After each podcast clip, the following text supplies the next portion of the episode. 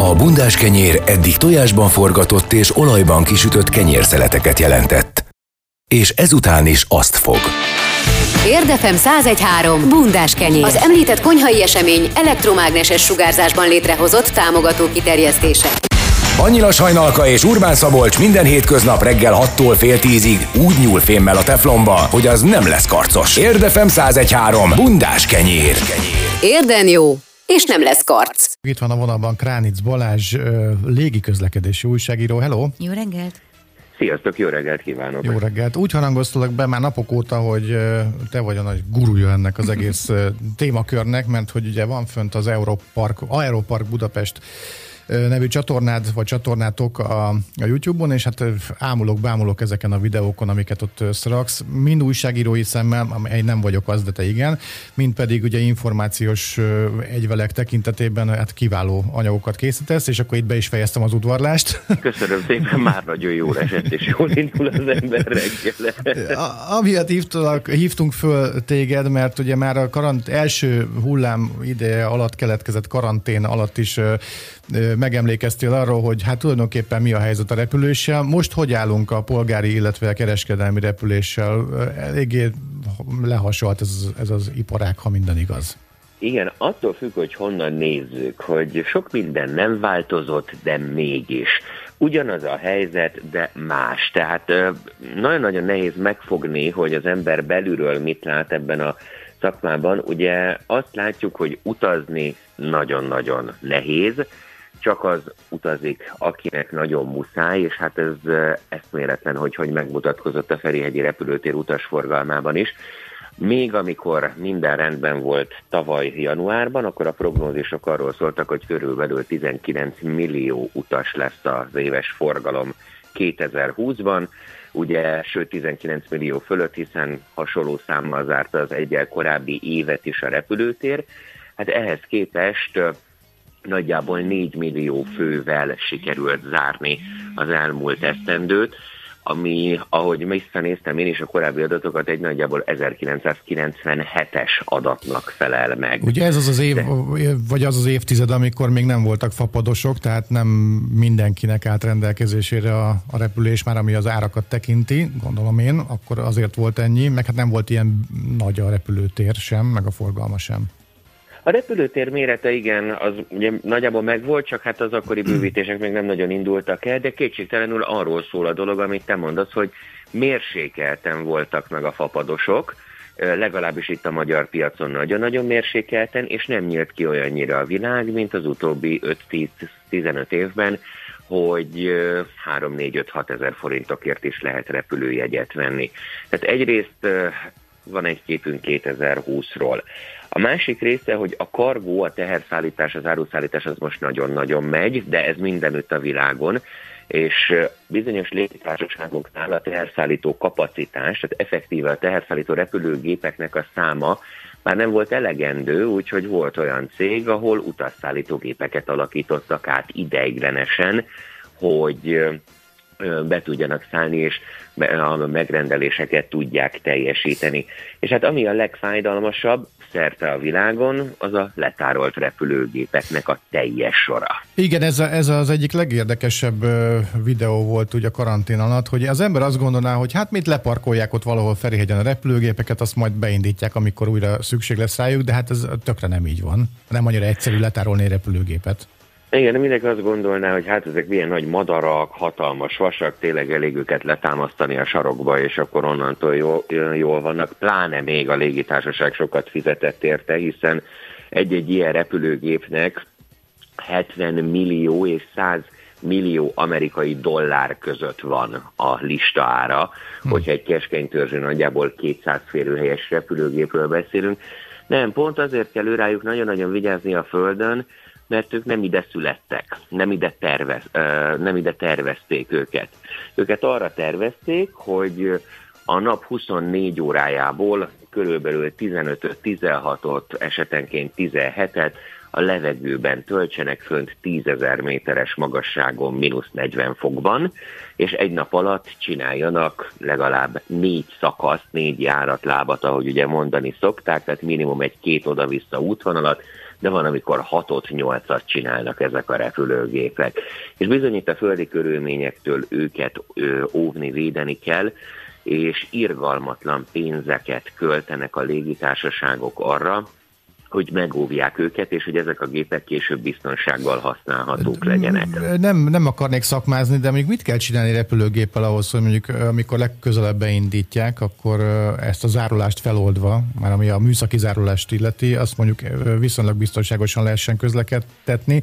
Hát nyilván autónál tudjuk, hogy fel kell tölteni az üzemanyagtartályt, hogy ne, ne, ne korodálódjon adott esetben, hogyha térre lerakjuk a motort, és aztán nagyjából ebben kiismerült az én szaktudásom ez így ügyben repülőgépnél miket kell csinálni, ami mondjuk ilyen nagy meló és pénzbe is kerül ráadásul? Hát így itt arról szól a dolog, hogy a légitársaság milyen megoldást választott. Tehát a teljes letárolást, vagy egy úgynevezett hosszú távú parkolást, amiben az is benne van, hogy időnként megjáratják a hajtóműveket, és időnként megröptetik a gépeket. De hogyha az előbbiről beszélünk a hosszú távú letárolásnál, egy ilyen repülőgépet úgy kell elképzelni, hogy végig le vannak ragasztva az utasablakok hővédő fóliával, ugyanígy befedve a pilótafülke, az összes külső érzékelő letakarva, a pitott csövek, a különféle beáramló nyílások, a hajtóművek letakarva, aztán akkor becsomagolva a futómű, rengeteg folyadék, hidraulika folyadék leeresztve belőle,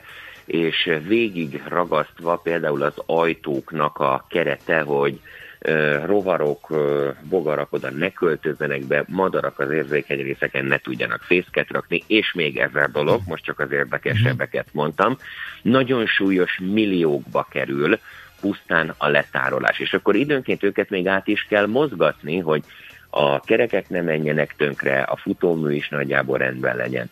És akkor onnan indul a dolog, hogyha azt mondja a légitársaság, hogy ezt meg ezt meg ezt a lassúmú repülőgépemet újra forgalomba szeretném helyezni, akkor kicsomagolják a szerelők. Ez is jó pár millió forintba kerül. Elindul a rendszer ellenőrzés, ennek megvan a maga menete, és akkor utána lesz egy berepülési fázis, aztán, hogyha annak során előjött valamilyen hiba, akár a földön, akár a levegőben, akkor annak a javítása, utána még egy berepülés, és hogyha annál minden klappol, akkor utána lehet visszahelyezni a forgalomba. Ezek a repülőgéptársaságok vagy légitársaságok hogy nem mennek ebben az időszakban tönkre? Tehát, hogy most itt nagyon sok pénzről beszéltünk, arról nem beszélve, hogy hány és hány munkatársuk van, akit ilyenkor pihentetniük kell, hiszen néhány, hát nem is néhány évvel ezelőtt, tehát azt hiszem 2019, az folyamatosan, már 18 is folyamatosan arról szóltak a híradások, hogy például ugye Ferihegyen folyamatosan megdőlt ugye a rekord, hogy annyi ö, utas volt napi szinten, tehát ilyen, ilyen rekordok dőltek folyamatosan, elképesztő mennyiség minőségű repülő jött, ment, és most tulajdonképpen tegnap, a kisfiam egyébként óriás repülőgép mániás, tegnap utaztunk Budapesten autóval, és rácsodálkozunk, Barnos, ott egy repülőgép, és tökre örültünk neki, hogy láttunk egy repülőt. Igen, hogyha az ember fölmegy a Flight Radar 24-re, ahol ugye egész, az egész világ forgalma nyomon követhető, döbbenetesen üres légtereket lehet látni. Igen, itt Magyarországon is ugye arról szólt a dolog, hogy évről évre nagyjából egy millióval nőtt a Ferihegyi repülőtérnek az utasforgalma az utolsó 8-10 évben, és 2012-ben volt az a határ, amikor a repülőtér átlépte a 10 milliós utasforgalmat.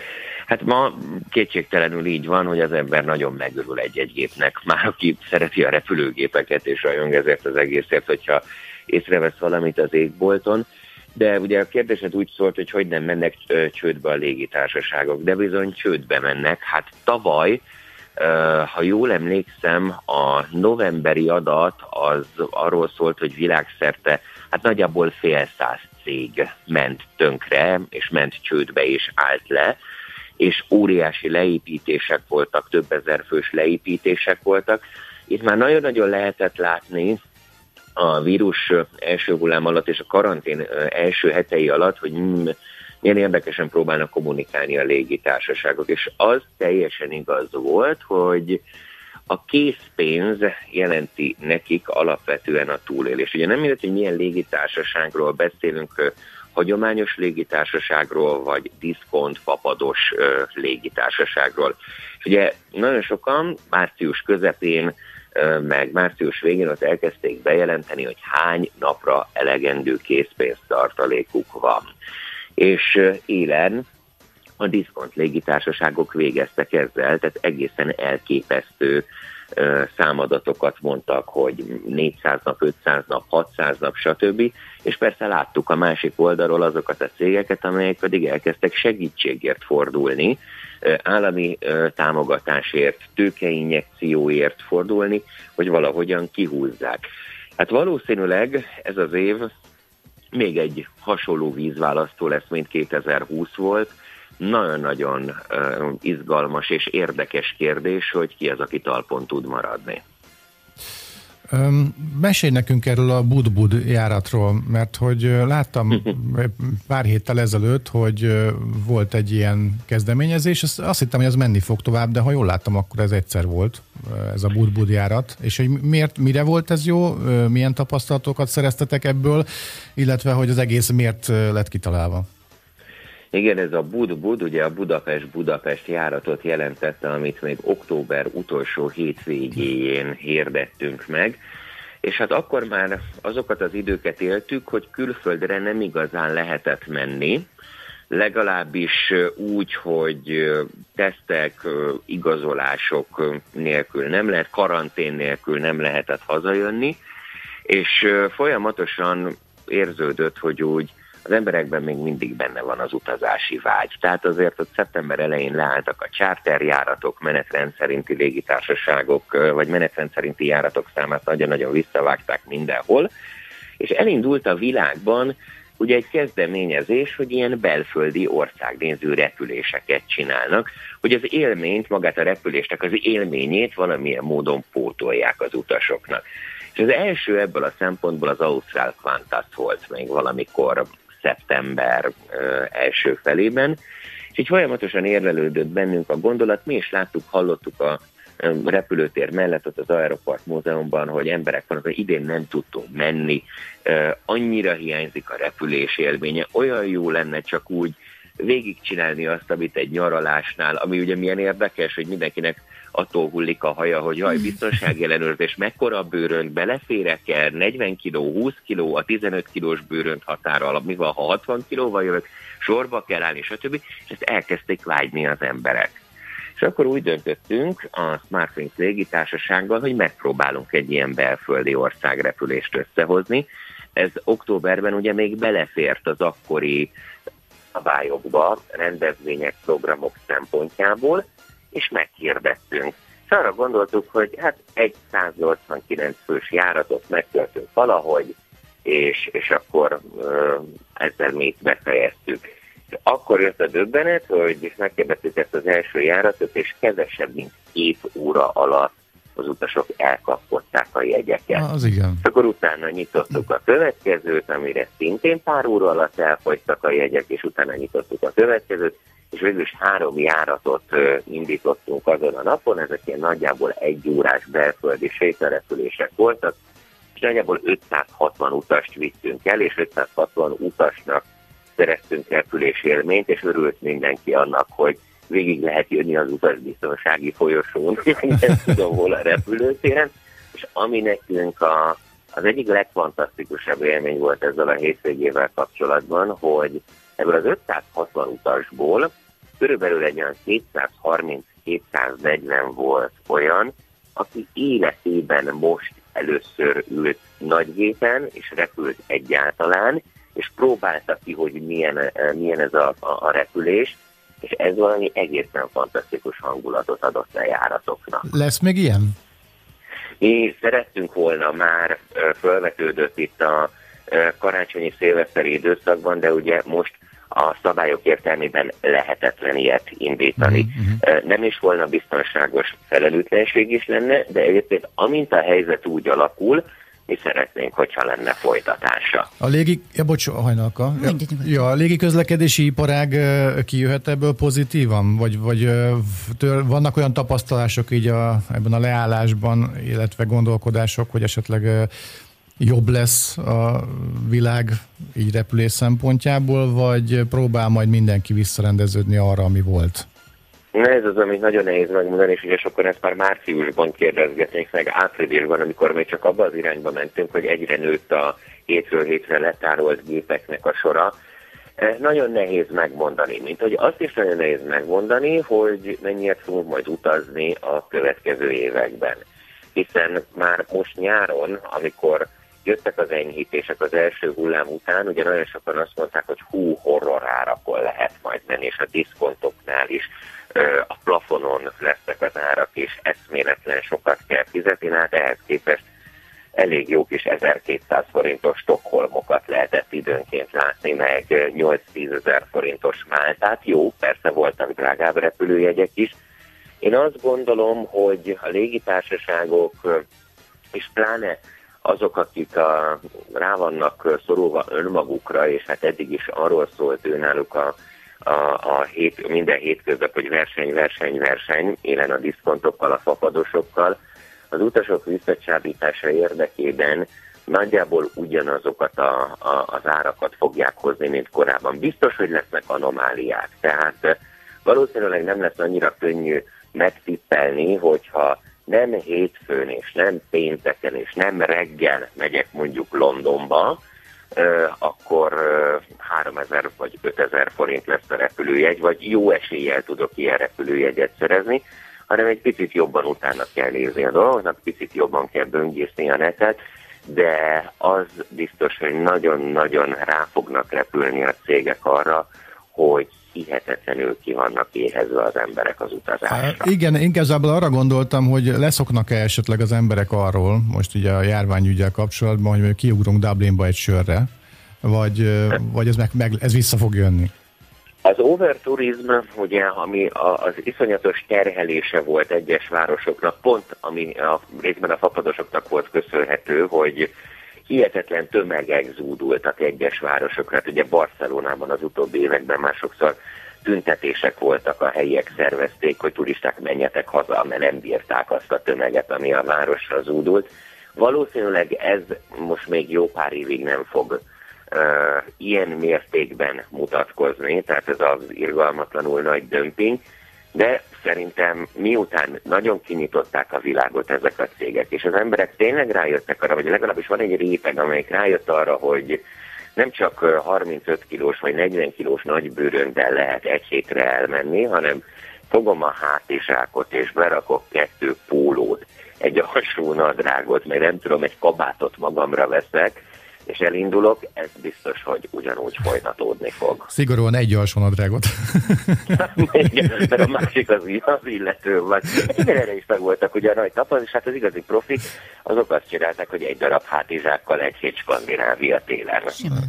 Simán. Egy kérdés, még egy személyes kérdés. Vettem a barátnőmnek, Natinak tavaly születésnapjára egy ilyen repülőtéri látogatásos kupont, vagy nem tudom ezt hogy hívják, hogy azt így fel, le, most működik ez a, ez a dolog ott a repülőtéren? Tehát le, Sajnos ezzel sem tudunk menni, tehát ugyanúgy, ahogy a múzeumunk jelen pillanatban zárva van, ugyanúgy a repterlátogatás programokat sem tudjuk indítani, de amint lehetőség nyílik rá, azonnal indítjuk ezeket a három órás élménytúrákat. Csak mert lassan lejár a kupon, azért, azért érdeklődő. Meghosszabbítottunk mindent az ja, jó, év végéig. Jó, király, nagyon jó. Köszönöm szépen a személyes kérdésemre választ.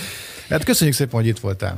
Köszönjük Köszönöm szépen. szépen. És hát kívánjuk, hogy minden rendeződjön valamilyen optimális irányba, és hát még, még szeretnénk ilyen videókat majd, jó? Amiket... Készülnek folyamatosan. Köszönöm Köszönjük, szépen. Köszönjük szépen. Szia. Szia. Sziasztok. Kránic Balázsral beszélgettünk légi közlekedési újságíróval, ajánlom figyelmükbe a, a videócsatornáját a YouTube-on, amelynek az a neve, hogy már keressem is, Aeropark Budapest rendkívül informatív és, és csitti videókat lehet nézni a repülésről, nagyon jól összeszedett információanyaggal. Érdefem 1013. Ha van egy tyúkod, már csak egy szelet kenyeret kell szerezned. Bundás kenyér. Mi volt előbb, a tyúk vagy a bundás kenyér? Ahogy azt ígértük, a zöld varanyról lesz szó, hiszen idén is megválasztották, vagy idén megválasztották az év két éltőjét, és ezt, mint mondtam, a zöld varany lett. Ennek a, ezzel kapcsolatban kimást hívhattunk volna föl, ha nem az MME kétéltő és hüllővédelmi szakosztályától dr. Babocsai Gergelyt. Jó reggelt! Jó reggelt! Jó reggelt kívánok! Nem is zöld azt nézem, hogy nem, nem annyira zöld, mint amire számítottam ez a zöld varangy. Az ilyen névadásokkor, nyilván nem akarok ebbe az irányba elmenni, de hát hát tudsz valami okosat mondani, ilyen névadásokkor, hogyha van egy kis zöld a zöld varanyban, akkor az már zöld? Hát azért elég zöld ez az állat. Nyilván nem annyira zöld, mint egy zöld leveli béka, de valószínűleg, hogy a magyar neve az a tudományos nevéből, ugye, ami most Buffotes viridis, de eredetileg Buffo viridis volt, mm. onnan érkezhetett. Úgyhogy ez ugye egész Európában, és, és tulajdonképpen bárhol, ahol előfordul, ez a név ragadt rá. Igen, annak idején, mikor én a halakat tanultam, mert ugye vizsgáztam horgászatból, akkor minden, minden halnak a neve végén a Linné volt, úgyhogy rá én standolta magát rendesen a, ez a Linné nevű ö, svéd úriember a, a, az állatok elnevezésére, de nem, tényleg nem akarok erre ebbe az irányba elmenni. Tessék, hajnaka. Csak hogy olyan furcsa, hogy választotok év két mert a múlt héten beszélgettünk Kormán Zoltánnal, a cigánycsuknak az apropóján, hogy ő lett az év madara, és akkor az, úgy, az olyan kis cuki téma volt, hogy elbeszélgettünk, hogy jaj, de cuki a kis cigánycsuk, meg mennyire helyes, meg ilyenek, de valahogy én, tehát bocsánat, de én ugye varanytól úgy írtózom, és, és nem szeretem, és, és, és soha nem tudnám elképzelni, hogy én úgy megszeressem őt. Hát pedig pont az, amiről most igyekszünk beszélni valamennyire, hogyha az ember közelről megnéz egy ilyen zöld varangyot, akkor az tulajdonképpen a cukiság skálán mondjuk 1-től 10-ig én szerintem simán eléri a tizet. Egy nagyon kedves, küllemű kis jószág. Kétségtelen, hogy általában a varangy, mint név, az a, a, a csúf, csúfsággal van, vagy, vagy sokak számára a csúfság szinonimája.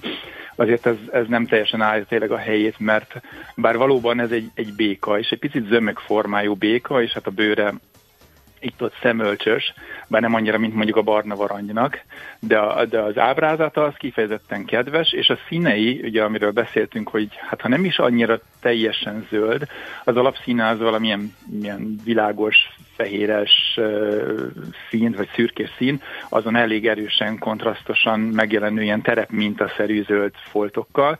Úgyhogy ha az ember megfelelő fényviszonyok között csípi el, akkor, akkor egészen színes tud lenni. Tehát majd, hogy nem egy, egy trópusi béka benyomását kelti. Mozdítsuk el a varangy, a zöld varangy megítélését pozitív irányba. Hát meg az, hogy én nézem, hogy folyamatosan mosolyog például. Tehát, hogy Mit azt nem mond, hát így, így mosolyog a szája, tudod, ilyen széles szája van neki, és tulajdonképpen... Így van, teljesen olyan, mint egy rajzolt béka. Tehát egy, egy ilyen békákat szoktak rajzolni mesefilmekben. Igen, igen. Maga kis gülű szemével, ugyanakkor nagyon szép, tehát egy ilyen fémes zöld színárnyalata van a, a szem íriszének, a maga a, a pupil az természetesen neki is sötét. Igen, az MME honlapján van a Máté Bence által készített közeli fotó, ezen jól megfigyelhető ez, illetve te is rendse végre kaptál egyet. A, tényleg szerintem szép, azért szép állat a maga nemében. De miért fontos ez az év két éltője díj, hogy minden évben megválasztátok a, a, ezeket a kis állatokat? Tehát, hogy fontos, hogy így az embereknek így a fejében, vagy mondjuk a gyerekeknek a fejében így,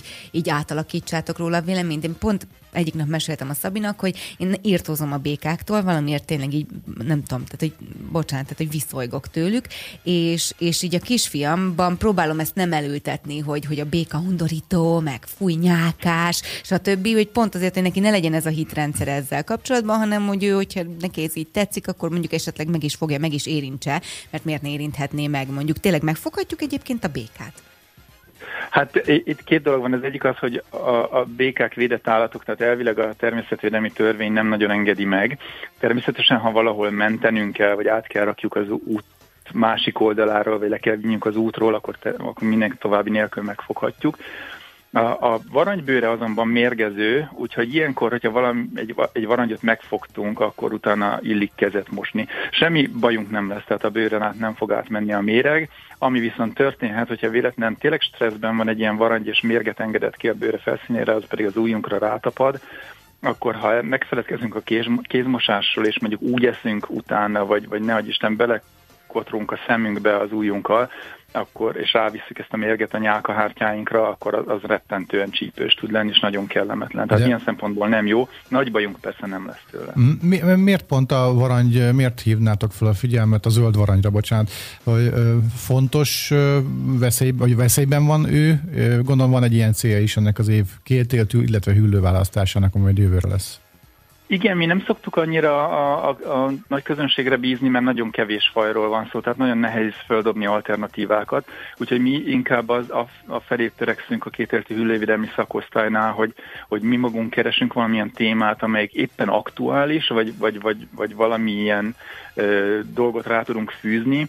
Itt az zöldvarangy esetében az az érdekes, hogy ez az egyik legurbanizáltabb ö, béka, illetve nem is urbanizált, hanem inkább azt mondhatnánk, hogy a leginkább eltűri a, a közelségünket, tehát ugye a településeken, akár nagyvároson belül is meg lehet vele össze lehet vele futni, és igazából talán azt szeretnénk elmondani róla, hogy, hogy, hogy vannak élőlények, és vannak kétéltőek is, amelyek valahogy elviselnek bennünket, akkor próbáljuk meg mi is elviselni őket, és, meg, és próbáljuk meg segíteni a saját környezetünkben. A zöldvarangyot kifejezetten jól tudjuk segíteni, hogyha ha olyan kerteket alakítunk ki, amely kertészetileg is szép, de ugyanakkor van egyfajta természetessége, tehát nem, nem egyengyep, egyen túlja sorokkal, hanem mondjuk megfelelő virágágyásokkal, ott kifejezetten jól tudja érezni magát, vagy hogyha hagyunk rőzsekupacokat, vagy komposztot, ahol be tud húzódni, akkor, akkor a zöld varany meg tud maradni. Sőt, ugye nagyon sokan csinálnak, vagy készítenek maguknak, vagy építenek tavat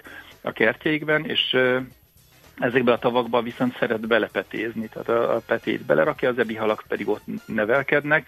Nagyon sokan nem szeretik ezt, mondván, hogy csúnya ott a békapete, csúnyák az ebi halak, pedig igazából ezt érdemes lenne elviselni, már csak azért is, mert az ebi halak ö, nagyon sok szerves anyagot fogyasztanak el, és amikor békaként elhagyják a vizet, azt el is távolítják a vízből, tehát igazából még javítják is a vízminőséget. Igen, ezt erre akartam rátérni, hogy ugye a fecskékkel kapcsolatban szokott általában Orbán Zoltánnak az a matekja lenni, hogy mennyi ö, szúnyogot esznek meg. Mondjuk a béka, a mesékből lehet látni, azt lehet, hogy nem igaz, de hogy mondjuk ő is eszik például biztos szúnyogot is, de hogy van neki jótékony hatása az emberi környezetre? Már ami nekünk is segít, és mondjuk ami miatt már egyel több ok arra, hogy ne bántsuk a zöld varangyot? Persze, mondjuk szúnyogot nem eszik annyira, vagy valószínűleg, hogy nagyon keveset, tehát szúnyog szempontból nem fog nekünk segíteni a, a varangy, de de viszont ugye főleg konyhakertekben, vagy egyáltalán bármilyen virágos kertben, rengeteg nálánál is még inkább nem szeretem állatokat fogyaszt, tehát csigákat, gilisztákat, mindenféle rovarokat. Tehát például a kertben kifejezetten jó természetes kártevőmentesítő, mert ahogy szépen elég sokat eszik egy ilyen varangy, jön-megy az alkonyati órákban, és hát a lótetülzőtől elkezdve a gilisztákon, mondjuk a giliszta az hasznos, de, de a, a csigákon át sok mindent elfogyaszt, ami, ami egyébként egy ilyen kertben jó dolog, hogyha elfogyaszt. Ott nálatok a, a kétértő és hüllővédelmi szakosztálynál hogy zajlik a munka? Nem akarnék egy életmű interjút most veled, de hogy hogy mikor jön egy bejelentés, hogy láttunk egy haldokló zöld varangyot, most tényleg kisarkítva a dolgot, és akkor ti mentek, vagy, vagy van egy békavonulás, és akkor ti oda mentek segíteni, vagy hogy zajlik a, a, az éves munka, a rutin? Hát ugye azt tudnunk kell, hogy ugye ez egy civil szervezet, és bár az MMA-nek magának, tehát Orbán Zoltán is állandó alkalmazottja az MMA-nek, de, de nálunk a szakosztályban talán egy, egy közülünk egyet kivéve mindenki önkéntes, tehát mhm. mindenkinek más munkája van, más a hivatása, tehát hogy illetve hát máshol dolgozik, így önkéntesként, civil munkaként végezzük ezt, tehát nem tudunk olyan rettentően hatalmas energiákat befektetni, tehát hogyha engem fölhívnak, hogy találnak egy haldokló varangyot, uh-huh. akkor én nem tudok leutazni Szegedre egyik pillanatra a másikra, hogy ezzel foglalkozzak. De akkor megpróbálunk külső segítségeket kérni, vagy vagy valamilyen önkéntesünket, aki helyben lakik, és akkor ő kimegy, és ő foglalkozik ezzel. De igazából talán kevésbé ezek a, ezek a éppen felmerülő mentések azok a mi, mi feladataink, sokkal inkább az ismeretterjesztésre vagy, vagy nevelésre tesszük a hangsúlyt.